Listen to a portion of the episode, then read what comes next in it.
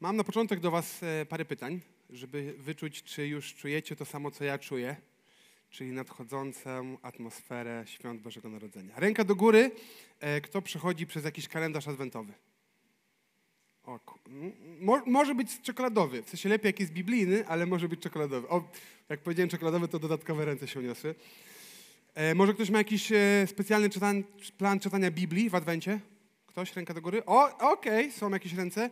Kto już wystroił choinkę albo dom jakkolwiek? Okej. U kogo w domu y, już dominuje, y, dominują kolendy? Dobra, może być muzyka świąteczna, Ariana Grande i tak dalej. Jest coś, okej. Ja chyba bardziej, jeszcze bardziej, niż zazwyczaj ekscytuję się świętami w tym roku. Mm, Myślę, że wynika to z tego, że trochę czekam na ten rodzinny odpoczynek.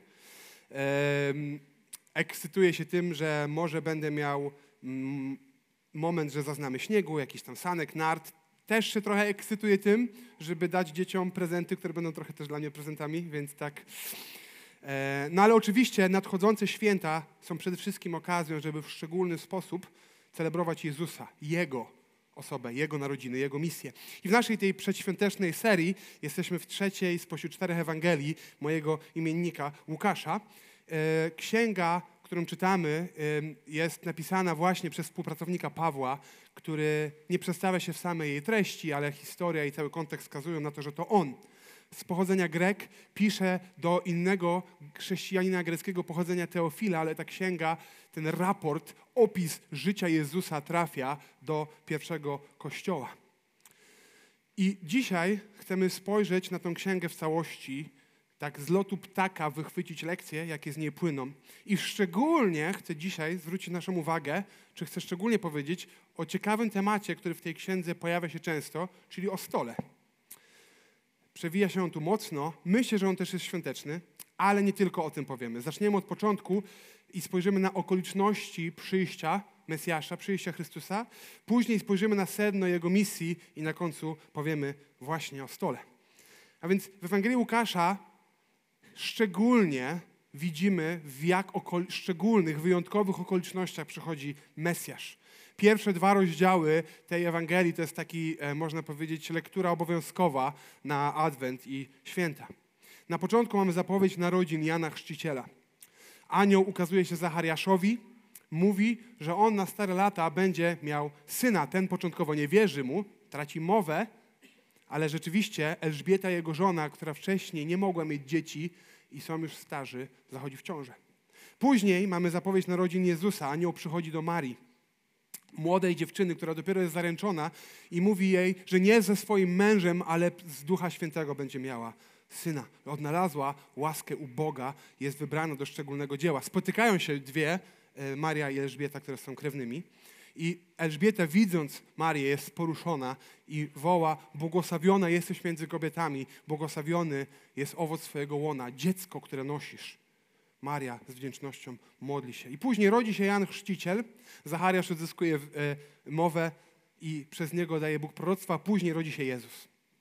Maria i Józef podróżują, trafiają do stajni i Jezus gdzieś tam pomiędzy zwierzętami, może obok owiec, które były hodowane, aby być złożone w ofierze w świątyni, rodzi się On. I pasterze na pobliskim polu mają chyba najwspanialszy koncert wszechczasów. Czytamy w drugim rozdziale Łukasza. Anioł pański stanął przy nich, a chwała pańska zewsząd ich oświeciła. Ogarnęła ich bojaźń wielka. I rzekł do nich anioł, nie bójcie się, bo oto zwiastuję wam radość wielką, która będzie udziałem wszystkich ludu, wszystkiego ludu. Gdyż dziś narodził się wam Zbawiciel, którym jest Chrystus Pan w mieście Dawidowym. A to będzie dla was znakiem. Znajdziecie niemowlątko owinięte w pieluszki i położone w żłowie. I zaraz z aniołem zjawiło się mnóstwo wojsk niebieskich, chwalących Boga i mówiących chwała na wysokościach Bogu, a na ziemi pokój ludziom, w których ma upodobanie. Więc zastępy aniołów witają pasterzy, którzy pędzą na miejsce i są pierwszymi, którzy składają pokłon narodzonemu Zbawcy. I widzimy później, że Jezus po około miesiącu zostaje e, poświęcony w Jerozolimie i tam też mamy szczególne wydarzenia. E, Gdy Jezus jest tam przyniesiony, mamy dwie ciekawe postacie. Jest Symeon, człowiek, który żyje w oczekiwaniu, aż przyjdzie Mesjasz, widzi Jezusa, bierze go na ręce i mówi to On. I prorokini Anna, kobieta, która swoje życie oddała służbie Bogu przy świątyni, wychodzi głosić ludziom, że przyszedł odkupiciel.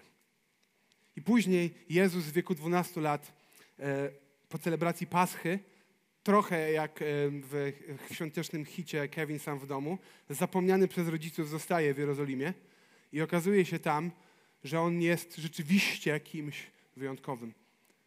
Podziwiają go znawcy prawa, z którymi rozmawia, jego mądrość. I oglądając ten wstęp, można powiedzieć, to tło, tą historię, którą Łukasz e, rozpoczyna swoją księgę, rzucają mi się w oczy dwie rzeczy. Pierwsza jest taka, że naprawdę mamy tutaj całą plejadę ciekawych postaci, ekscytujących, niesamowitych wydarzeń w ich życiu. I widzimy to tutaj u Łukasza, ale tak naprawdę widzimy to w całym piśmie. Czasami trudne, niejednoznaczne, często ciekawe historie różnych ludzi, wydarzenia, które oglądamy i myślimy sobie, jak dobrze, że mi się to nie przytrafiło, albo takie, które widzimy i mówimy, a chciałbym właśnie tam być. Bo Bóg mówi do nas przez historię. Nie tylko, ale głównie. Ostatnio nawet na grupce rozmawialiśmy o tym i ktoś, jeden z chłopaków powiedział, że gdy po raz pierwszy zaczął Biblię czytać tak poważnie, to był w szoku, że to nie są tylko zakazy, nakazy, e, prawa i obowiązki. Był w szoku, że to jest tyle fabuły.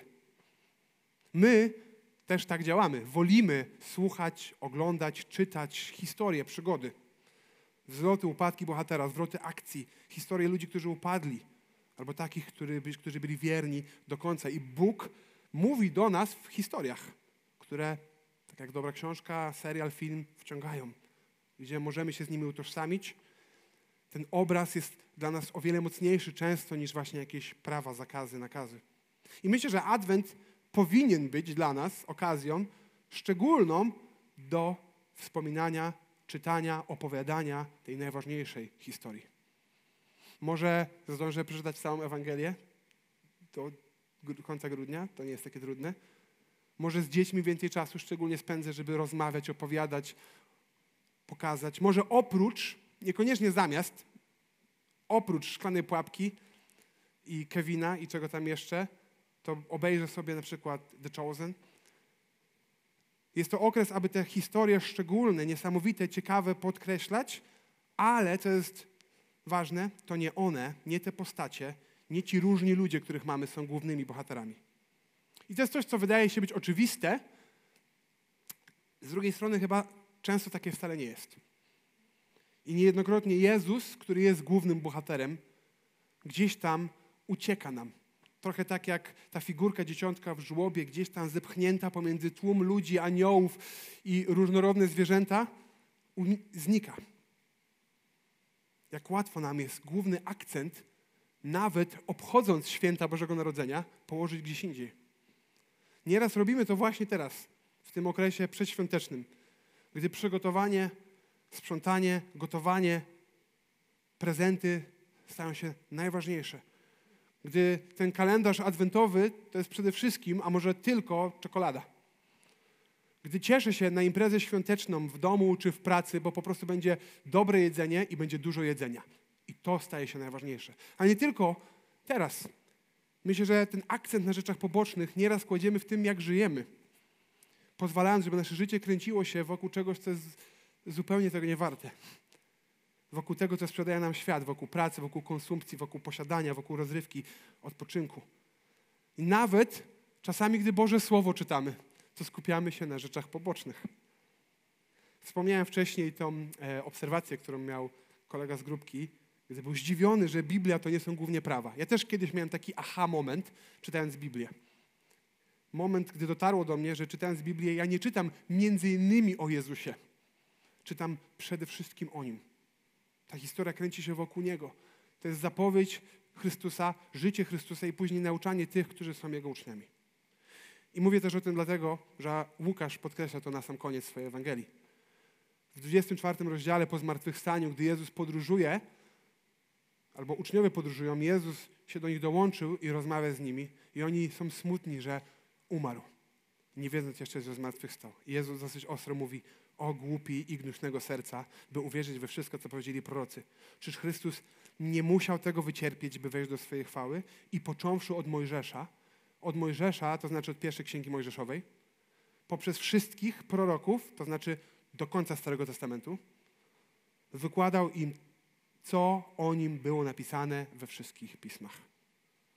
Czytamy, poznajemy, świętujemy przyjście Mesjasza, wypełnienie ogromnej rzeszy zapowiedzi, proroctw, cieni, które wcześniej były rzucane. Więc oddajmy Jemu należną cześć. Tylko On na to zasługuje. To pierwsze miejsce Jemu się należy.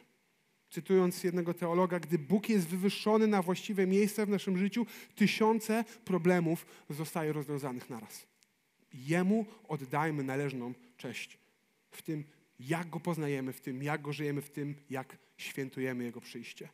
Więc Mesjasz przychodzi w szczególnych okolicznościach i Mesjasz przychodzi uratować zgubionych. I w czwartym rozdziale Ewangelii Łukasza rozpoczyna się nauczanie Jezusa, ta zasadnicza, można powiedzieć, część Ewangelii. I Jezus zaczyna głosić w Galilei, w regionie, z którego pochodzi, przychodzi do synagogi i zgodnie z tym, jak to wyglądało, wychodzi do przodu, aby fragment, który jest na dany dzień przypisany, przeczytać i później powie, jakie ma myśli wokół tego. Może ktoś coś dorzuci, otworzy się dyskusja. I Jezus przychodzi i trafia, i tutaj musimy duży cudzysłów dać w słowie trafia, na Izajasza 61. W czwartym rozdziale czytamy od 18 wersetu, gdzie Jezus czyta słowo Boże na, na ten dzień. Duch Pana spoczywa na mnie ten, który namaścił mnie, abym ubogim niósł dobrą nowinę, który posłał mnie, abym więźniom głosił wyzwolenie, niewidzącym przejrzenie, zgnębionych wypuścił na wolność, abym ogłosił rok pańskiej przychylności.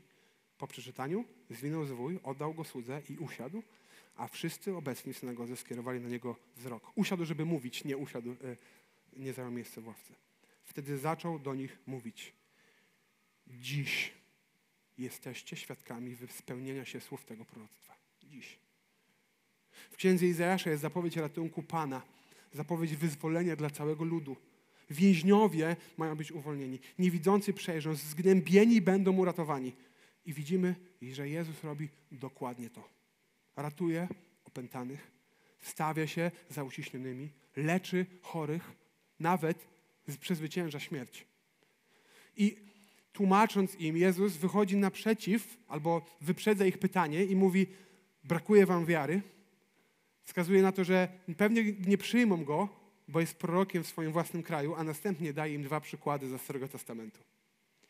Najpierw wspomina wdowę z Sydonu, która została w cudowny sposób uratowana przez Boga za pośrednictwem Eliasza. Zaufała w beznadziejnej sytuacji i ją Bóg uratował. I później daje przykład Naamana, który był dowódcą wojsk Aramitów, wrogów Izraela. Przychodzi on do proroka Elizeusza po ratunek. Początkowo nie chce być uratowany, ale ostatecznie zaufał i jest uzdrowiony.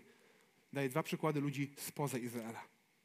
To nie byli ludzie, których Bóg uratował, bo byli Izraelitami, ale którzy zaufali. Jego słuchacze wpadają w furię. Oni chcą go zabić. Przecież Jezus cytuje tylko pismo. Dlaczego chcą go zabić? On cytuje je, aby pokazać tym, którzy go słuchają, że nie rozumieją Bożego dzieła odkupienia. Że Bóg nie działa tak, jak im się wydaje dla słuchaczy Jezusa te postacie to co najwyżej były wyjątki od reguły, może wypadki przy pracy i tyle. To, co mówi Jezus, ich obraża. Boża przychylność dla pogan, dla pogan, którzy nie przyjmują naszych zwyczajów i praw, dla tych nieczystych. Dalej, gdy nagłos mówią, czy są zszokowani Izraelici, że Jezus siada do stołu z celnikami i grzesznikami brudnymi. Jezus mówi, ja nie przyszedłem wzywać do opamiętania sprawiedliwych i tu powinniśmy w nawiasie wstawić tych, którzy myślą, że są sprawiedliwi tak jak wy, ale grzesznych. Jezus nie przychodzi tylko do Izraela, nie przychodzi do ludzi, którzy myślą, że mają wszystko poukładane, nie przychodzi do znawców prawa, czy do ludzi szczególnie religijnych, ale do zgubionych, którzy wiedzą, że potrzebują pasterza, do chorych, którzy wiedzą, że potrzebują lekarza. I później w całej tej treści Ewangelii podkreśla to po raz kolejny i po raz kolejny. Dwa takie momenty tylko chcę spojrzeć. W 14 rozdziale Jezus daje im pewną obraz, pewną przypowieść o wielkim przyjęciu i mówi, był pewien pan, który zrobił wielkie przyjęcie i wyszedł zaprosić swoich gości, ale ci goście byli zajęci. Nie pasowało im to przyjęcie, nie pasowało im to zaproszenie, nie pasował im ten czas. I gdy sługa wraca do pana, mówi, słuchaj, oni odrzucili to zaproszenie, on mówi wtedy, idź na drogi, te 14-23, idź na drogi prowadzące do miasta, idź między zagrody i przekonaj napotkanych, by przyszli. Niech mój dom będzie pełny, bo mówię wam, żaden z tych, których wcześniej zaprosiłem, nie posmakuje potraw na tym przyjęciu. I kilka rozdziałów dalej Jezus spotyka dziesięciu trędowatych, którzy wołają, ulecz nas. On mówi, ok, idźcie, pokażę się kapłanom. I jeszcze są w drodze, gdy zostają uleczeni. I z tych dziesięciu wraca jeden do Chrystusa podziękować Mu. Jeden jest w szoku. Czyż Jezus jest w szoku, czy nie dziesięciu doznało oczyszczenia? Gdzie pozostałych dziewięciu? Czy nikt z nich nie chciał zawrócić i oddać chwały Bogu, tylko ten cudzoziemiec? Tylko ten spoza Izraela? Następnie powiedział do niego, wstań i idź, twoja wiara cię ocaliła. Łukasz w Ewangelii i później w dziejach apostolskich, które też pisze, podkreśla, wskazuje na to samo. Jezus jest Mesjaszem, który nie przyszedł do jednego narodu, do jednej grupy etnicznej, etnicznej, do konkretnej warstwy społecznej, ale do wszystkich, którzy są zgubieni. I u Niego, nie w sobie, szukają ratunku. Zbawienie i to nam przypomina ten okres święta Bożego Narodzenia, to, że On przychodzi, zbawienie jest dla nas dostępne. Czym musiała się wykazać ta wdowa wtedy w Sarepcie, albo Naaman, albo zaproszeni goście z ulicy, albo ten trendowaty? Czym miał się wykazać Teofil, czy pierwszy kościół, do których Łukasz pisze? Czym musimy wykazać się my, żeby mieć ratunek? Nie dostęp do tego, żeby o ten ratunek zacząć zabiegać. Otwarte drzwi, żeby móc zapracować, żeby móc osiągnąć, żeby zdobyć. Nie, co możemy zrobić, żeby mieć większą szansę, wyższe prawdopodobieństwo, większą nadzieję, lepszy start. Ale mamy dostęp do zbawienia pewnego, wykupionego skuteczną krwią Jezusa zapowiadanego przez wiekami, wypełnionego przez Mesjasza, danego wszystkim, którzy uwierzą i przyjmą tą łaskę. Tylko wiara, tylko zaufanie Jemu. Bogu właśnie o to chodzi. Nie pochodzenie, nie status, nie tło religijne, ale to, czy zaufamy i komu zaufamy. Zbawienie jest dostępne z łaski. I patrząc dzisiaj na tę Ewangelię Łukasza, na historię tych, którzy odrzucili Jezusa, tych, którzy byli oburzeni Jego nauczaniem, którzy nie przyjęli zaproszenia na ucztę, którzy nie byli skorzy do dziękowania, łatwo zapomnieli, że w ogóle byli chorzy, którzy mieli wszystko poukładane po swojemu, możemy też wziąć lekcję dla nas dzisiaj. Paweł w liście do Rzymian wyciąga lekcje, wyciąga wnioski dla Kościoła. Mówi, spójrzcie na Izraelitów, byli tak blisko, a jednak to odrzucili. Mówi, dziękujcie Bogu za to że o wam okazał łaskę. Bo tak samo jak im, tak samo tobie to zbawienie się nie należało. Nie zasiedź się, nie lekceważ, nie zapomnij nigdy, że to jest łaska. Tak jak wspomniałem na początku, uwielbiam dawać moim dzieciom prezenty. Tak jak mówiłem, no jeśli jest to Lego, to też jest prezent dla mnie, więc no wiadomo, jest to podwójny prezent ale też dlatego po prostu, że cieszę się tym, że one się, się cieszą, że coś dostały. I chyba właśnie to jest naj, największe, naj, najmocniejsze w tym, ten obraz łaski. To, że ja nie daję im, bo mamy jakiś kontrakt i one swoją część wypełniły. Ja nie chcę im dawać prezentów, bo inaczej coś stracę. Nie wiem, no nikt się no, nie zajmie na stare lata albo stracę 500 plus czy coś. No nie, nie ma niczego takiego. Nie oczekuję od nich niczego w zamian. Cieszę się, gdy one po prostu się cieszą, gdy rozumieją łaskę, którą otrzymują. Można powiedzieć, że ten prezent jest kompletny wtedy, gdy one rozumieją, że to jest niezasłużony dar, że to jest przychylność Ojca, który zdecydował się ich kochać. Że jest kompletny wtedy, gdy doceniają, gdy szanują, gdy nie pogardzają tym gdy nie zapominają o tym, od kogo to zostały. Gdy wręcz dzielą się, cieszą się z dawania, tak samo jak ich ojciec.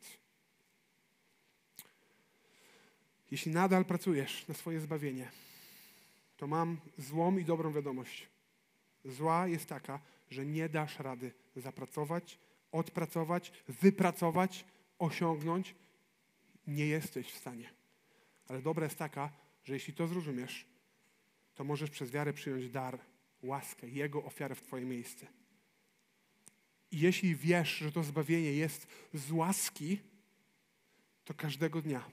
Szczególnie teraz, gdy okazja jest szczególna, gdy okoliczności są szczególne, szczególnie teraz szukaj sposobów, by myśleć o tym, jaka jest istota Ewangelii. Dostaliśmy to za darmo.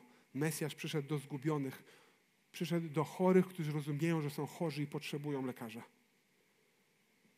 Wykorzystajmy adwent, prezenty, celebracje, żeby przypominać sobie i bliskim o największym prezencie, jaki można otrzymać.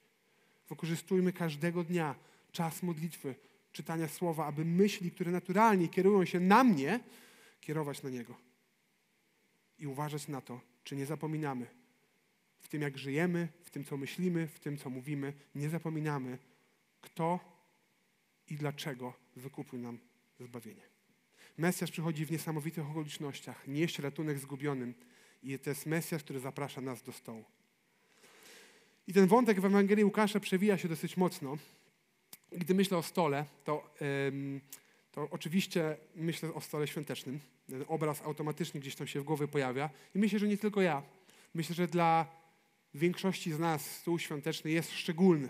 Nawet jeśli nie celujemy w 12 potraw, nawet jeśli mamy coś innego niż e, karpia, pierogi i sałatkę jarzynową, nawet jeżeli te święta celebrujemy w małym gronie, to te święta kojarzą się nam ze stołem, z posiłkiem, ze wspólną celebracją, z łamaniem chleba. I myślę, że warto być świadomym tego, że przy stole my, jako ludzie, mamy różne zwyczaje. Przy tym świątecznym, ale też przy tym codziennym, może przy niedzielnym stole, mamy różne zwyczaje. Ja u mnie w domu zauważyłem, że normalne było, że dosyć szybko po jedzeniu się wstawało do swoich obowiązków, coś, co było zupełnie dziwne w domu mojej żony, gdzie siedziało się bardzo długo, e, bardzo, bardzo długo, rozmawiając, a czasami nawet nie rozmawiając. I tak człowiek był, no to co teraz? U mnie naturalne było to, że rozmowa przy stole jest e, ciężka, e, debata, gdzie szybko się pojawiają dwie strony i walczą ze sobą w jakimś temacie. U mojej żony zawsze było tak miło, spokojnie. Dostrzegam też naturalnie nie tylko różne zwyczaje, ale też dobre i złe zachowania przy stole, które gdzieś tam mam.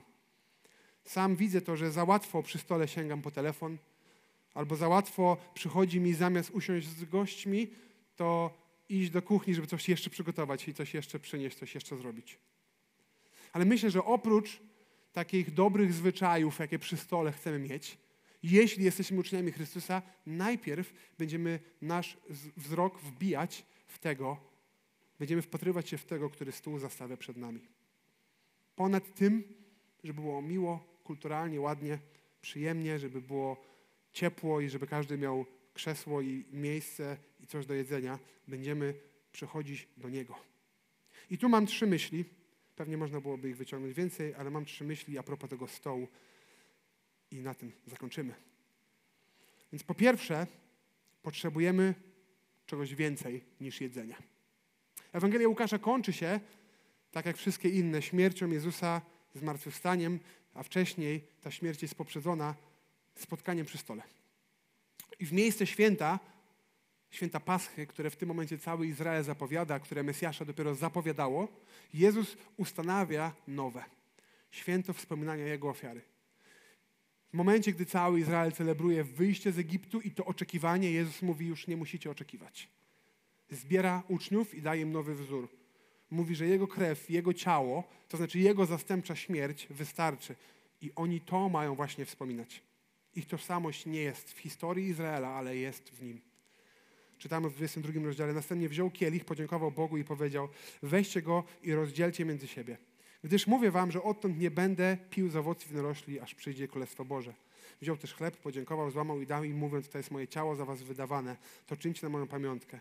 Podobnie wziął kielich, kiedy już się spożyli, i powiedział: Ten kielich to nowe przymierze, przypieczętowany moją krwią za was przelaną. I my, jako Kościół, to robimy. Celebrujemy wieczerze. Siadamy wtedy do stołu również, ale celebrujemy to nie tylko raz w miesiącu. Stół świąteczny, stół niedzielny również może być dla nas przypomnieniem tego. Przypomnieniem stołu, który On zastawił, misji, którą On wypełnił. I ten stół, który Jezus zastawia, to celebracja, to moment zastanowienia, to taka pauza w naszym pędzie, radość z tego, co On dokonał To też warto podkreślić, stół, który on zastawia, nie jest stołem pustym. To nie jest stół, stół kilku kromek chleba. Oni tam zjedli, rzeczywiście. Tak samo wcześniej, gdy przyszedł głodny tłum, to Jezus ich nakarmił. Teraz karmi uczniów. Tak samo, gdy my siadamy przy stole, to chcemy coś zjeść, prawda?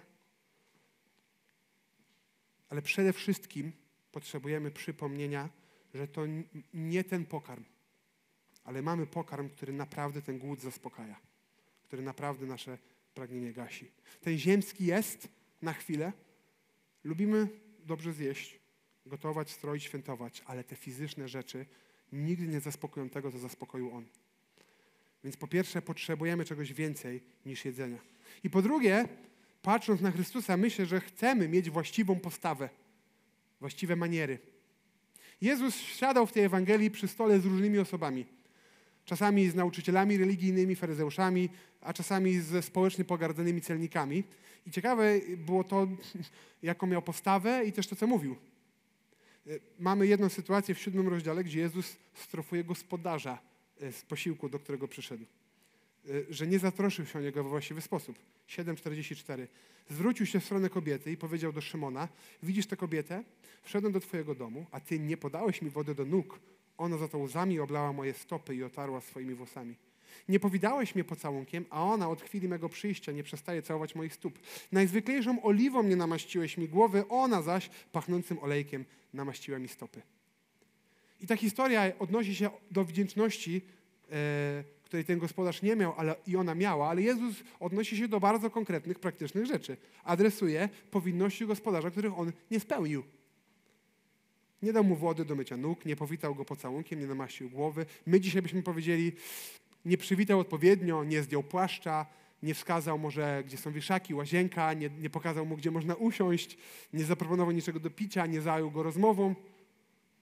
Jezus napomina gospodarza, a w innym miejscu zwraca się do gości i ich uczy właściwej postawy, gdy siadają do stołu. W 14 rozdziale czytamy, gdy otrzymasz zaproszenie, przyjdź i zajmij raczej ostatnie miejsce.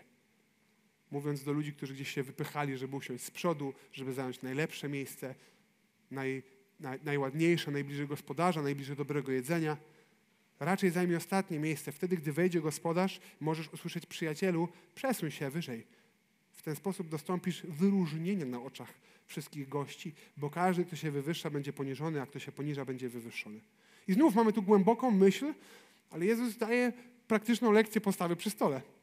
Mi zdarzało się kiedyś usiąść przy niewłaściwym miejscu, myśleć, że już jestem dostarczająco duży, żeby być przy stole z dorosłymi i dostać informację, nie, wracaj do stołu dla dzieci. To nie jest miłe uczucie. Jezus mówi praktycznie, nie przeceniaj swojego miejsca. Nie oczekuj jakiejś formy bycia ugoszczonym. Daj szansę gospodarzowi, żeby się zatroszczył. Jak jest coś do jedzenia, to nie śpiesz się przesadnie. Może nałóż sobie rozsądną porcję. Jak brakuje miejsc, to może zacznij na stojąco. Może nawet w gościach przyjmij postawę sługi, pomóż, wyręcz gospodarza. Unikaj skupienia uwagi na sobie. Zastanów się, jak możesz wykazać zainteresowanie. Jezus daje dobre, trafne, potrzebne, praktyczne lekcje. I myślę, że uczniowie Jezusa chcą po pierwsze przychodzić do stołu świadomi tego, że On wypełnia tą najgłębszą potrzebę, a po drugie chcą mieć Jego postawę wobec innych. Ale gdy Jezus daje lekcję tego savoir vivre, można powiedzieć, dobrych manier, właściwego zachowania, to nawet w tych manierach przy stole wskazuje na to, że jest coś ważniejszego. W 11 rozdziale, w kolejnym spotkaniu przy stole, Jezus mówi, zaproszony został e, na śniadanie, tak? Czytamy w 37. Po tych słowach pewien faryzeusz zaprosił Jezusa na śniadanie. Jezus przyszedł więc i spoczął przy stole. Faryzeusza zdziwiło jednak, że wbrew zwyczajowi Jezus przed posiłkiem nie zanurzył w wodzie rąk. Wtedy Pan powiedział do niego, wy faryzeusza oczyszczacie zewnętrzną stronę kielicha i miski, podczas gdy wasze wnętrze jest pełne chciwości i zła. Niekoniecznie dokładnie taką powinniśmy mieć postawę, jak do kogoś idziemy na spotkanie. Ktoś mówi, e, chodźcie, idziemy umyć ręce przed posiłkiem, a my wystrzelamy do niego, twoje serce jest brudne, nie będziesz nic mi mówił. Myślę, że Jezus, który był doskonałym Bogiem, widział jest doskonałym Bogiem, znał serce tego człowieka, on miał prawo tak się do niego odezwać, ale myślę, że lekcja to jest większa. Dobra praktyka umyć ręce przed jedzeniem. Tak mi się przynajmniej wydaje. Dobra rzecz. Ale jeśli zabiera niewłaściwe miejsce, jeśli ta praktyka, ten obrządek, ten rytuał sam w, sam w sobie staje się najważniejszy, jeśli on nie wypływa z czystego wnętrza, to to nic nie zmienia.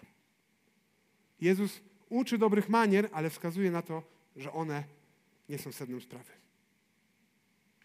Chcemy mieć właściwą postawę, ale tak jak Jemu przede wszystkim zależy nam na sercu. I dlatego po trzecie, przy stole, idąc za przykładem naszego nauczyciela, chcemy prowadzić rozmowy, które On pokieruje. Inaczej mówiąc, na tyle, na ile to możliwe, chcemy rozmawiać o Ewangelii. W jednej z pierwszych em, historii tej, tej Ewangelii, w piątym rozdziale, e, Jezus siada do stołu. I gdy Jezus y, siadał do stołu, gdy zaprosił uczniów na końcu, ale też tak naprawdę wielokrotnie podczas tej Ewangelii, rozmawiał. Poruszał głębokie tematy. Stół był miejscem czegoś większego niż wspólny posiłek. Czytamy w piątym rozdziale, gdy faryzeusze i należący do nich znawcy prawa zaczęli szemrać i zadawać pytania, dlaczego jecie i pijecie w towarzystwie celników i grzeszników? Dlaczego siadacie do stołu z takimi ludźmi? Dlaczego się z nimi zadajecie? Dlaczego pozwalacie, żeby sami stać się nieczystymi. Wtedy Jezus im odpowiedział, chorzy, a nie zdrowi potrzebują lekarza. Nie przyszedłem wzywać do opamiętania sprawiedliwych, ale grzesznych. Jakby mówił, ja nie siadam do stołu z tym, z, z, z ludźmi, którzy są tego godni. Nie siadam do stołu z kimś, kto na to zasługuje. Nie siadam do stołu z kimś, kto jest taki święty, taki sprawiedliwy, tak dobrze zastawił stół, tak ładnie przygotował wszystko dla mnie, że jest on godny króla. Nie, nikt nie jest godny, żeby Jezus zasiadał z nim do stołu. On zasiada do stołu z tymi, którzy wiedzą, że tego potrzebują. Jezus mówi, że przynosi zbawienie tym zgubionym, którzy o to poproszą. I celem Jego obecności przy stole jest coś więcej jest wskazanie na ratunek. Celem Jezusa przy stole, Jego celem nie jest luźne pitu-pitu, nie jest networking, nie jest tylko to, żeby się najeść albo żeby zrobić fajną fotkę rodzinną i wrzucić ją na Insta i ścigać się w świątecznych lajkach z ludźmi dookoła. On przynosi lekarstwo dla chorych. I my, gdy je mamy, to też jest najlepsze, co możemy dać dobrą nowinę o Jezusie Chrystusie. I chcemy wskazywać na nią, jak możemy. W codzienności swoją postawą, swoim charakterem, w myśleniu o innych więcej niż o sobie, w postawie, jaką mamy, gdy ten stół zastawiamy, ciesząc się tym, że możemy się dzielić, że możemy dawać, że możemy okazać troskę, ale tak jak On w rozmowie. Przy stole tym świątecznym, przy tym stole niedzielnym, ale też przy tym powszednim. Modląc się, poruszając tematy głębokie, kierując rozmowę ponad to, czy poza to, co widzialne, pragniemy na wzór Jezusa mówić o ratunku, który jest w Nim. Ja osobiście chcę, aby mój stół, niedzielny, świąteczny, a nawet ten powszedni, przede wszystkim opierał się na tym, że Mesjasz zaprosił mnie do swojego stołu. On zapewnił mi pokarm duchowy, ratunek, który zaspokaja. On uczy dobrych manier, ale szczególnie zwraca na serce. On przynosi dobrą nowinę do każdego stołu, do którego siada i posyła mnie, abym czynił tak samo.